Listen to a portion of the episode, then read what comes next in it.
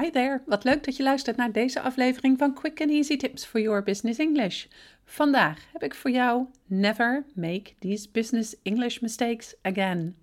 Mijn naam is Anneke Drijver van Improve Your Business English en de auteur van het boek Master Your Business English Communicate with Power in 7 Simple Steps. Ik help jou als ondernemer of doelgerichte professional van je middelbare school Engels af, zodat je ook internationaal met impact en vol zelfvertrouwen in het Engels kunt communiceren, maar bovenal jezelf kunt zijn.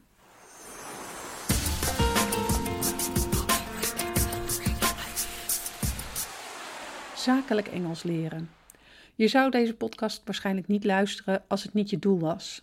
Misschien heb je ook al door dat er zoveel meer bij komt kijken dan alleen wat formele woorden leren en de goede Engelse grammatica onder de knie hebben.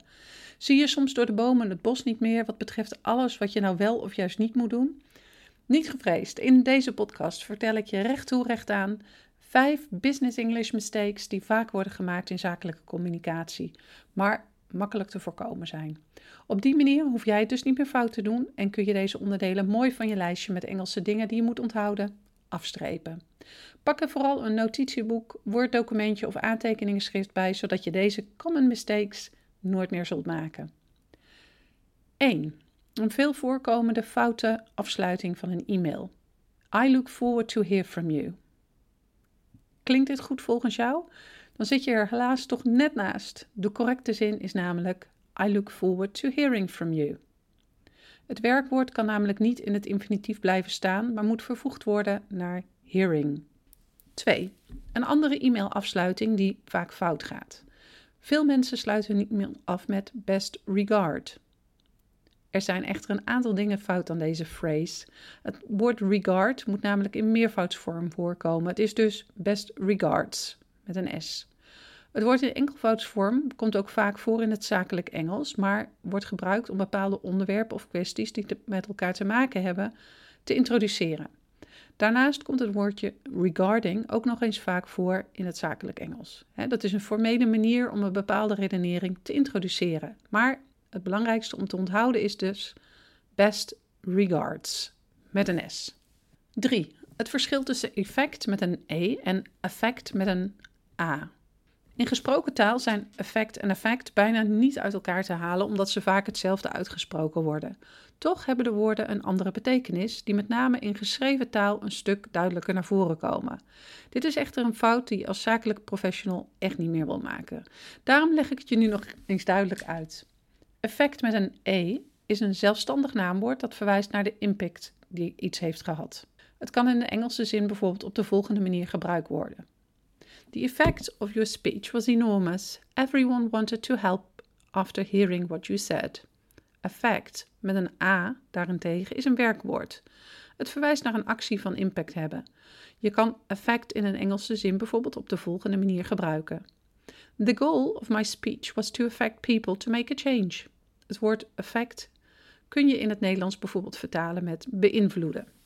4. Het verschil tussen de lidwoorden en en.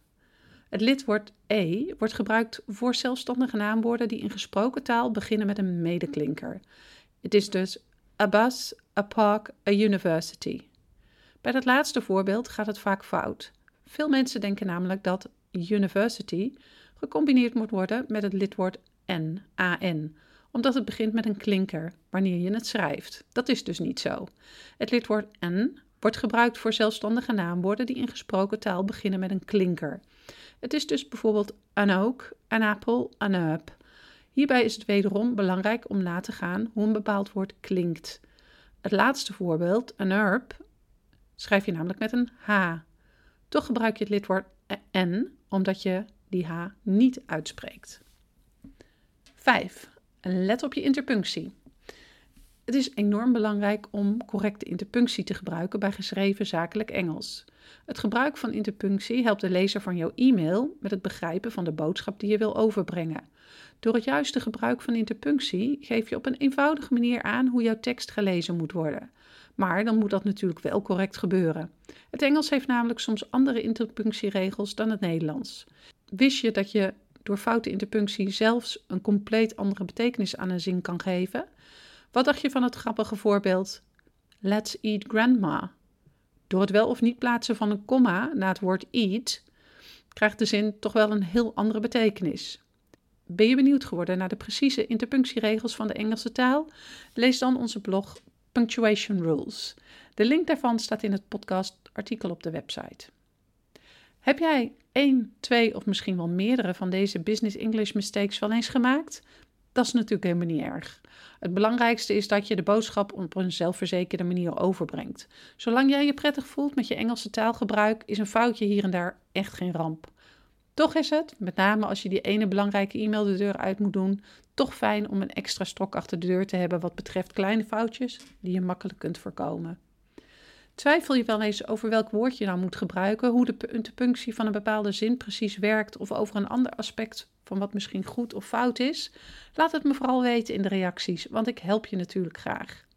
Als je deze aflevering hebt geluisterd, zou ik het enorm op prijs stellen als je een review voor ons zou willen schrijven op SoundCloud of iTunes.